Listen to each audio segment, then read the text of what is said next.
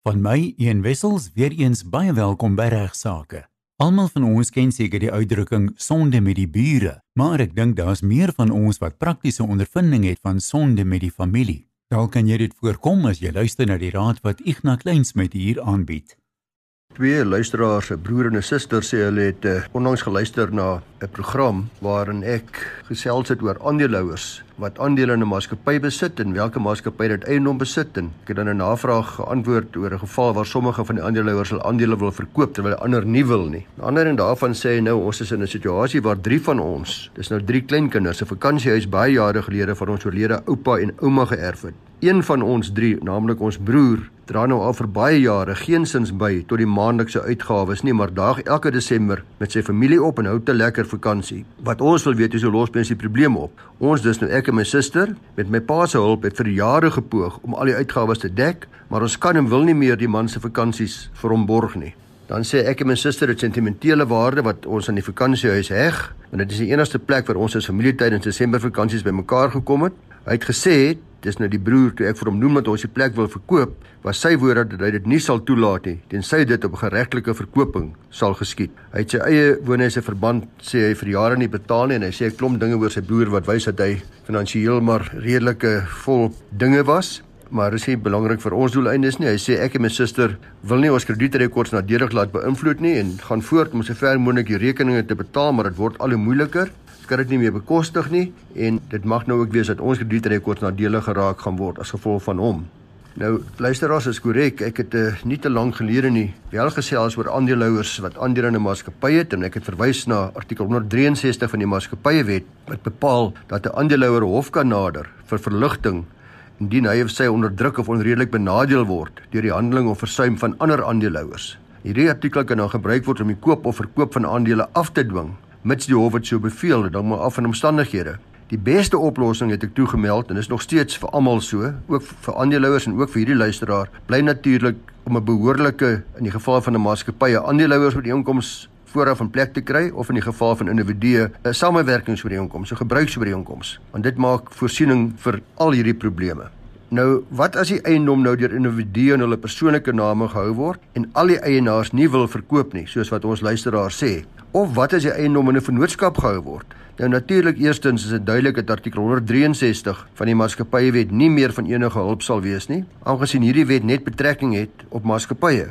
Maar daar kan wel steeds voorsiening gemaak word vir iets soortgelyks aan 'n aandeelhouersooreenkoms wat die eienaar se regte en verpligtinge behoorlik uiteensit. Maar was dit ook nie gedoen nie soos in die geval van ons luisteraar? Wat dan?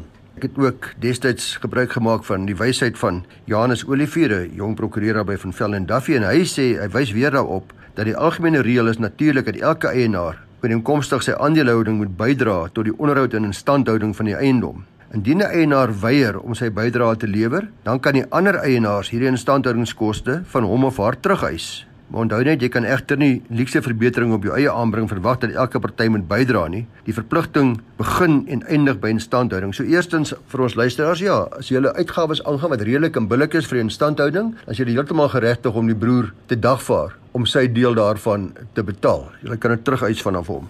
Indien die mede-eienaars egter glad nie oor die weg kom nie, soos weer eens in ons luisteraars se geval en in baie ander gevalle van gesamentlike eiendomsreg, veral familie vakansiehuise, dan kan 'n eienaar die hof nader vir beëindiging van hierdie mede-eienaarskap. Nou hierdie aksie of aansoek word in gevolge die Actio Communie Dividendi ingestel. Die algemene reël is dat enige eienaar geregtig is om mede-eienaarskap te beëindig. Die hof sal dan 'n bevel maak en dis nou belangrik, bevel maak wat billik en redelik is onder die betrokke omstandighede.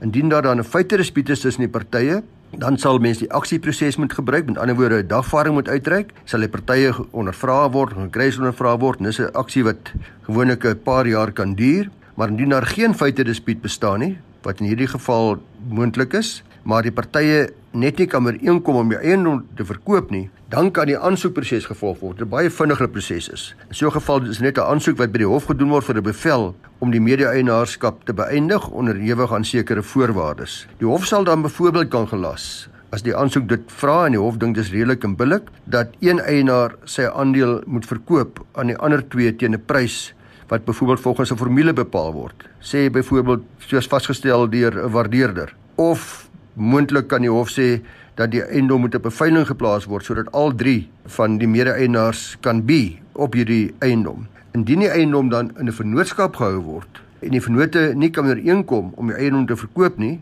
dan sal die vennootskap kan ontbind word en gelikwideer word. In ander woorde, die een van die vennote doen doen aansoek gee kennis dat die vennootskap moet ontbind en daar word 'n likwidateur aangestel, uh, net soos by die geval van likwidasie van 'n maatskappy en uiteindelik beteken dit dan maar ook net weer dat die opbrengs van die verkoop sal dan tussen die drie vennote verdeel word nadat alle relevante uitgawes afgetrek is. So die hof word dan ook hier genader vir 'n gepaste bevel.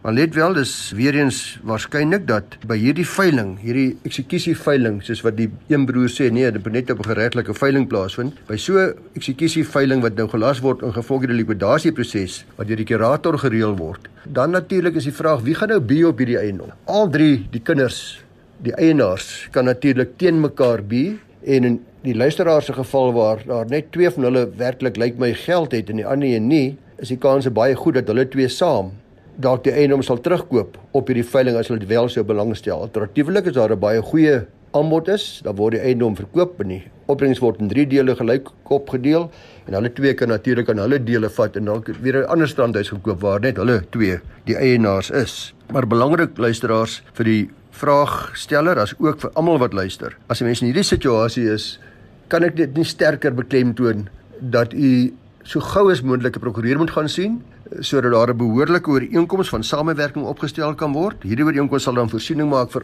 alle moontlike scenario's, almal se regte en verpligtinge, al die drie die mede-eienaars sin. Daar kan byvoorbeeld 'n voorkoopsreg ingebou word teen 'n sekere prys, daar kan uh, allerlei reëlings getref word wat al drie die partye beskerm en daar kan ook reëlings getref word oor wat gebeur as een party nie sy of haar billike deel van die uitgawes betaal nie. So ook aan hierdie luisteraar wat geskryf het, u en u suster moet dalk dringend 'n prokureur gaan sien om een van hierdie stappe te volg wat ek nou genoem het en uh ander luisteraars voordat u en u familie of u mede-eienaars probleme kry, is dit beter om voorkomend op te tree en 'n prokureur te gaan spreek om vir u 'n behoorlike ooreenkoms op te stel.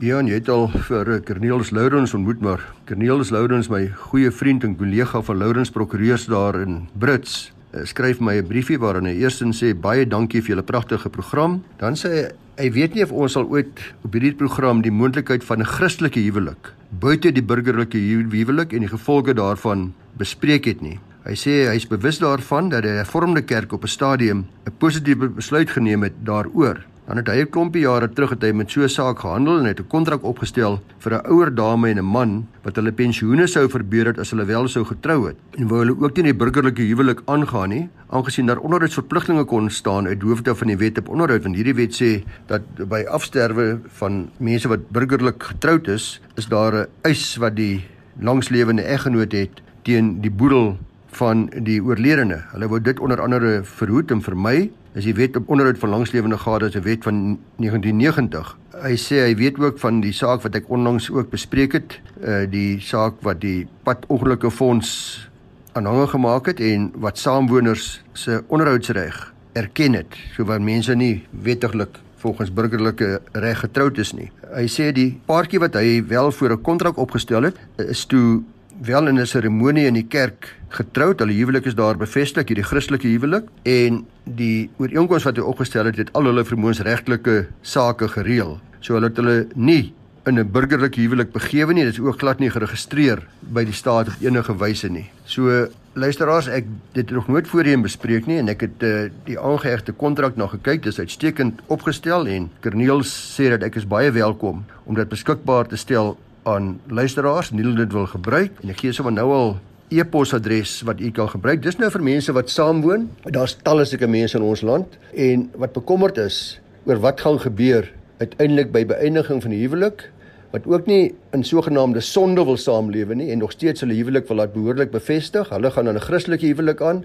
en hulle gaan 'n behoorlike saamwoon oor die inkomste aan. Nou, ek het al baie in hierdie program die saamwoon oor die inkomste bespreek. Hierdie oor die inkomste wat deur Corneels opgestel is, hanteer dan die Christelike saamwoon oor inkomste is maar baie dieselfde as 'n gewone ooreenkoms. Daar's 'n hele klomp baie interessante klousules deel van hierdie ooreenkoms, onder andere definieer hy die Christelike huwelik. Hy sê dis 'n huwelik wat partye deur die predikant laat volvoer, maar wat nie as huwelik regtens van staatsweë gereël moet of mag word nie. So dit word nie bevestig as 'n gewone burgerlike huwelik nie en hy sê die doel van die ooreenkoms is om 'n Christelike huwelik aan te gaan en om dan 'n gemeenskaplike woning te deel met die oog daarop om die partye se finansiële situasie te versterk, verliese te beperk en die lewensstandaard te verhoog. Dan maak die ooreenkoms voorsiening vir elkeen se bydrae, as jy die vrou se bydrae, dan word die roerende goedere wat sy inbring in hierdie in aanhalingstekens huwelik, Christelike huwelik in 'n aanhangsel beskryf. Sy bly eienaar van daardie goedere. Uh, die man se bydrae op dieselfde basis. Daar word gehandel met presies wat gebeur met al die goedere wat aangekoop is tydens die duur van hierdie ooreenkoms. Daar word behoorlik ook gekyk hoe werk al die lewensuitgawes, die finansiële verpligtinge van elkeen van die partye dus.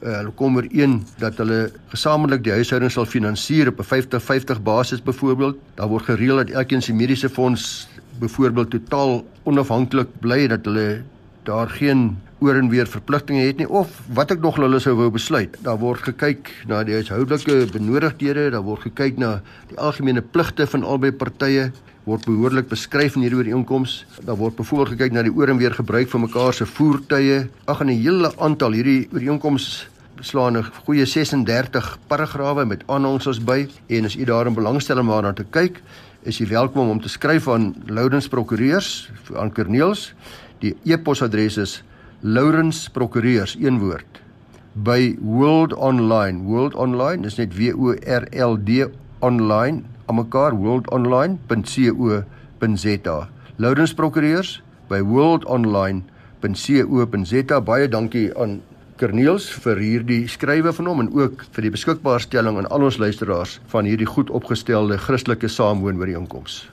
Vervolgens uh, gaan ek met u 'n saak bespreek wat nogal 'n bietjie grieselig is en dit handel met 'n man wat in Pietermaritzburg onlangs gefonnis is tot 5 jaar gevangenisstraf oor 'n vriendin se dood na wat die hof genoem het kinky seks. Nou ek het gaan kyk na wat kinky in die hart uh, se vertaling is. Ek kon nie aan 'n vertaling dink nie en hulle praat van bejoeks of bekieks of kinkelrig. Maar wat hier gebeur het is dat Die persone gaan nou nie sy naam noem om 'n verdere verleentheid te spaar was 56 jaar oud. Hy was aanvanklik aangekla van moord en uh verkrachting op uh, sy vriendin van 61 jaar oud. Dit was in 2016.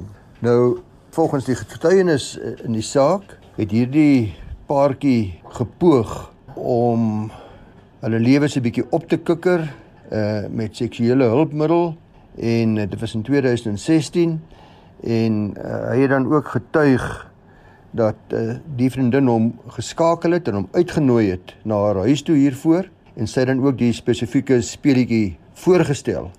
Ek gaan nie u vermoei met die gruisame detail van wat daar presies gebeur het nie behalwe om te sê dat uiteindelik as gevolg daarvan het uh, die dame gesterf. Die beskuldigde, soos ek sê, was aangekla van moord en verkrachting, maar dit was duidelik uit al die getuienis wat gelei was in die hof dat die hof tevrede was dat daar geen getuienis genoegsame getuienis was om enigstens uh, die verkrachting te bewys nie en ook nie genoeg getuienis om die beskuldigde aan moord skuldig te bevind. Was nie die opset om te dood nie en daarom is die beskuldigde toeskuldig bevind aan strafbare manslag en onskuldig bevind aan moord en aan verkrachting. Die hof het bevind dat die staat was nie in staat om meer te bewys as net nalatigheid aan die kant van eh, die beskuldigde nie en alhoewel daar samewerking was vanaf die kant van die oorledene en alhoewel dit saamgespeel is, moes hy duidelik besef het wat die moontlike gevolge van hierdie speletjie kon wees. So luisteraars in hierdie geval is hy gefonnis tot effektief 5 jaar gevangenisstraf. Mense wat as lewensmaat saamwoon kan gerus aandag skenk aan deel 2 van vandag se regsaake. Luisteraars, in boek wat ek geskryf het, wat sê die prokureur wat alreeds sy eerste druk gehad het in 2014, het ek 'n hele hoofstuk gewy aan al die probleme wat gepaard gaan met saam bly. En uh, ek het onder andere ook 'n uh, voorbeeld daarin gegee van 'n saam bly ooreenkoms. Dit is omdat saam bly, soos jy almal weet, 'n algemene verskynsel geword het in Suid-Afrika en ek het uh, onlangs toe 'n berig gelees wat geskryf is deur Nico van Geysen in 'n rapport en uh, meneer van Geysen het altyd uitstekende advies wat my betref en ek wil graag net iets daarvan deel want ek sien ek het nie te staan herhaalde gesprekke oor saambly nog nooit met hierdie spesifieke aspek gedeel en dit is die kwessie van wat gebeur met die testament uh, in 'n saambly verhouding, die belangrikheid van 'n testament. Nou in 'n onlangse saak uh, was daar 'n saambly verhouding waar onder andere die een party Mbwanya was, haar saamwoonmaat is te oorlede, maar sy kon nie erf uit sy intestate boedel nie. En die rede daarvoor was dat in hierdie uitspraak deur die Hooggeregshof in Kaapstad in die saak van Boana versus Meester van die Hoë Hof het dit gegaan oor die toepassing van artikel 1 van die Wet op Intestate Erfopvolging. Dis 'n 1987 wet. Dis nou waarmee sterf sonder 'n testament. En hierdie wet sê dat die oorlewende gade, as daar nie afstammelinge is nie, die hele boedel van die oorledene erf. En natuurlik as daar afstammelinge erf, Eh, as daar kinders is, dan sal die oorlewende gade kunstdeel erf ensovoorts. Maar die wet brei dan uit oor wie waar in die register om te erf. Dis nou in die state situasie. Maar in hierdie geval het die Hooggeregshof toe beslis dat hierdie wetgewing ongrondwetlik is omdat dit nie voorsiening maak vir iemand in 'n saambly verhouding nie en dat dit gewysig moet word om toe te laat vir 'n lewensmaat in 'n permanente teenoorgestelde geslagverhouding, 'n opposite sex life partnership waarin hulle onderneem het om mekaar wederzijds te ondersteun en te onderhou. So baie belangrik vir mense wat in 'n uh, permanente teenoorgestelde geslagverhoudinge is en saamblyverhoudinge is. As daar nie 'n testament is nie, dan uh, sal die wet dan nou gewysig word om ook voorsiening te maak dat u as 'n uh, gade beskou sal word vir doeleindes van die intestate erfreg.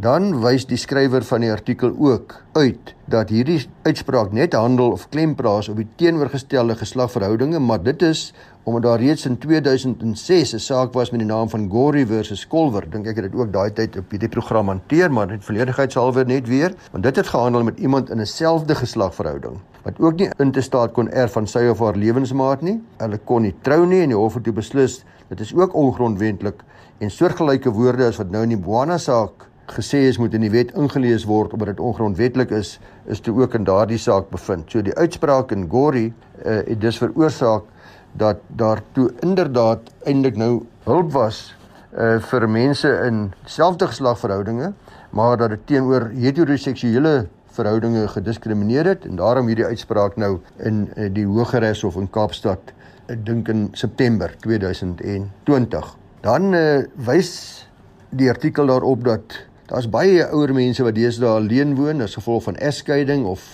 vooroorlede gades en dan in saambly verhoudinge is met iemand anders sonder dat hulle finansiëel van mekaar afhanklik wil wees. En uh dis baie belangrik dat hulle moet mooi kyk na hulle finansiële beplanning want as een sou sterf sonder 'n testament staan die ander nou outomaties eerste in die tou om te erf. En uh daar's gewoonlik dan ook baie keer kinders uit vorige huwelike uit en wat dan ook natuurlik in die ry staan en wat dan baie ongelukkig is omdat hierdie persoon wat dan nou net 'n saamwoonmaat was ook nou 'n kunsdeel kry. Die wet op onderhoudsverlangs en lewende gades wat ek ook al gereeld met u bespreek het, bepaal dat die gade in 'n huwelik, let wel in 'n huwelik, 'n eis om onderhoud het teen die boedel van die oorlede gade in sekere gevalle en dis natuurlik ook nie van toepassing, maar daar is nie 'n huwelik in hierdie geval nie. Dis nie van toepassing op saambleiers nie. Maar in die saak van Volksteen Robinson en ander het die ons grondwetlike hof beslis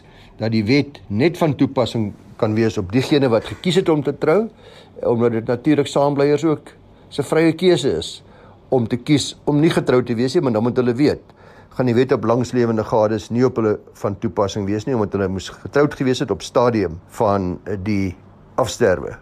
Belangrik ook luisteraars, ek het al voorheen gesê dat by egskeidings, egskeiding van 'n gade staak by die afsterwe van die onderhoudspligtige behalwe as daar spesifiek in die bevel in die skikkingsvereenkoms wat 'n bevel van die egskeidingshof gemaak is, bepaal is dat die persoon wat geskei is, die eks, uh, geregtig is om onderhoud te eis vanaf die boedel van die onderhoudspligtige.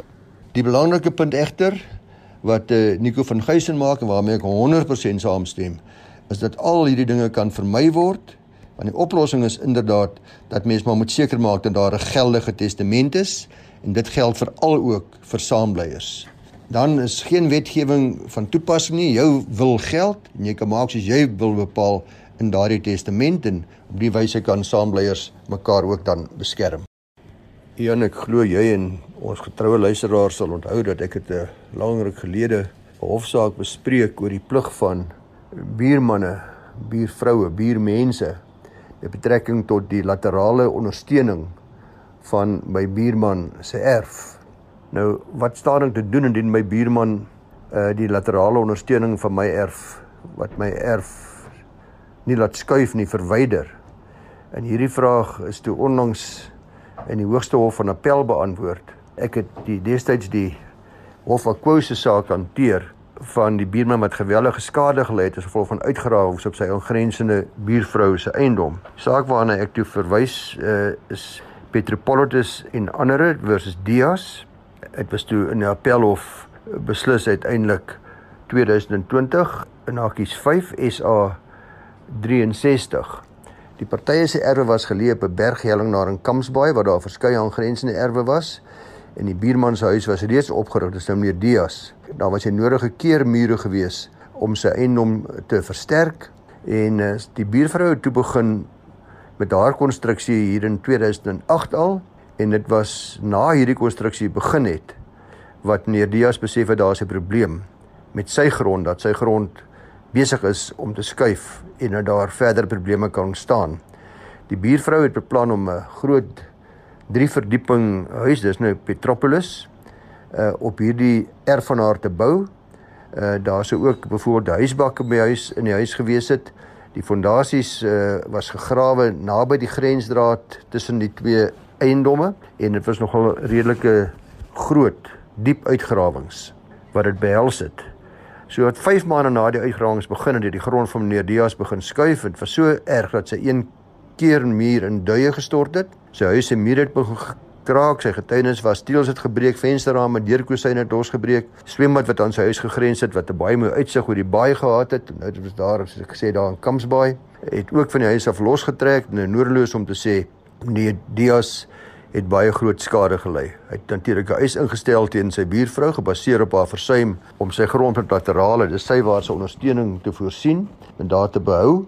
Die buurvrou het basies alle ondersteuning wat haar eiendom aan meneer Dia se eiendom gegee het volgens sy getuienis onttrek toe sy die uitgrawings aangegaan het. Die Kaapse Hooggeregshof was tevrede soos ek voorheen al gesê het met die eis wat teen die buurvrou ingestel is. Die eis is toegestaan. Sy was nie gelukkig nie en sy het die saak op appel geneem wat dan nou 'n uitspraak gegee het. Die Appelhof bevestig dat daar is 'n plig op aangrensende bure om laterale of sywaarse grondondersteuning aan buurmanne te verleen, aan buurmanne se grond te verleen en daarmee saam met elke buurman of buurvrou of buurmens die reg om sywaarse grondondersteuning van jou buurman of vrou te verwag. Hierdie plig sê die hof om ondersteuning te voorsien is nie beperk net tot grond in hul natuurlike toestand nie, maar geld veral ook wanneer daar redelike geboue en strukture op die grond opgerig is so wat dit reeds 'n bestaande huis het, dan moet dit ook in ag geneem word. Bestaande swembad ensovoorts. Die hof het bevind dat 'n grondeienaar aanspreeklik gehou kan word vir skade wat bure ly indien daar versuim is om hierdie laterale ondersteuning te verleen en die hof het verder uitgewys dat hierdie 'n vorm van skuldlose aanspreeklikheid is en dat die eienaar dus aanspreeklik sal wees sonder dat daar opset aan sy kant aan haar kant was soos met Petropolitus se geval ook gesê is maar daar is 'n skuldlose aanspreeklikheid vir al die skade uh, sonder enige opset of nalatigheid. Dis die blote feit dat jy eienaar van die grond is, stel jou aanspreeklikheid daar. Nou hierdie aangeleentheid bevestig nie net vir ons dat grondeienaars se plig het op laterale ondersteuning nie, maar dit herinner ons ook weer daaraan luisteraars het ook al baie oor die buurreg gesê het dat die reg van 'n grondeienaar om sy grond te geniet ook beperk word deur die naburige eienaar se reg om hulle grond te geniet. Dis dus belangrik om uh, wanneer 'n mens bou en planne opstel en veral as jy weer daar gaan uitgrawings wees om van deskundiges gebruik te maak wanneer daar bouwerk aangegaan word sodat daar nie later hofsaake kan wees omdat die buurerf skade ly nie. 'n Bietjie nuus wat vir my baie skokkend was wat ek graag met u wil deel. U weet dat ek baie gereeld op hierdie program sake hanteer van onregmatige arrest in Suid-Afrika en dit duidelik al gebleik dat dit iets is wat geweldig toegeneem het. Ek het nou gesien dat die polisie in KwaZulu-Natal het 'n fortuin al uitbetaal aan vergoedingseise uh in die 5 jaar vanaf 1 Januarie 2014 tot 31 Oktober 2019. In totaal het daar van ons u almal wat luister se belastinggeld bedrag van 340,5 miljoen rand uitbetaal aan eise vir onregmatige arrest en luister hoeveel mense was onregmatig gearresteer? 13416. Nou hierdie uh, syfer luisteraars is gegee deur die LER vir gemeenskapsveiligheid. Uh, is ene Bekkie Ntuli in 'n skriftelike antwoord op 'n vraag van die EFP se Blessed Ngwala. Nou uh, die EFP se Ngwala het ook byvoorbeeld gesê dat die bedrag wat betaal was deur die polisie uh, vir hierdie siviele eise was 'n skokkende aanduiding van die staat van polisieering in KwaZulu-Natal en is dit ook baie duidelik dat hierdie is maar net natuurlik die in die oortjies van die seekoei want Daar is natuurlik ook talle mense wat onregmatig gearresteer is en wat oor naweke aangehou word en dan weer maandag uitgelaat word wat nie die moeite doen of die fondse het om siviele eise in te stel nie. En hierdie is net KwaZulu-Natal, eh, soos jy almal weet, gebeur dit beslis ook in ander provinsies. Baie dankie aan Ignas Kleinsmid wat namens die Prokureursorde van Suid-Afrika die regsvrae beantwoord. Stuur jou vraag gerus direk vir hom na igna@ffd.co.za. Sluit gerus volgende maandag 11:30 weer by ons aan.